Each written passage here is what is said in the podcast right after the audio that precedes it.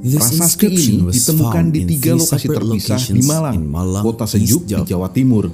Isinya menerangkan kerajaan in Hindu pertama di Jawa Timur dengan raja bergelar Gajayana pada 8th abad century. ke-8 The inscription beserta silsilahnya.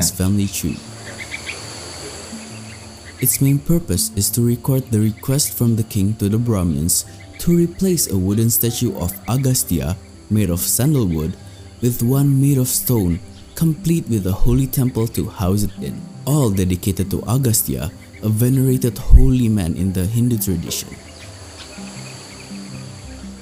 After its completion, a great ceremony was held and the king handed out many gifts. Like other inscriptions coming from the same age or after, this inscription was written in Sanskrit. However, this is the interesting part. The writing used the old Javanese script, also known as the Kawi alphabet. This is the ancestor of the modern Javanese script that we know today.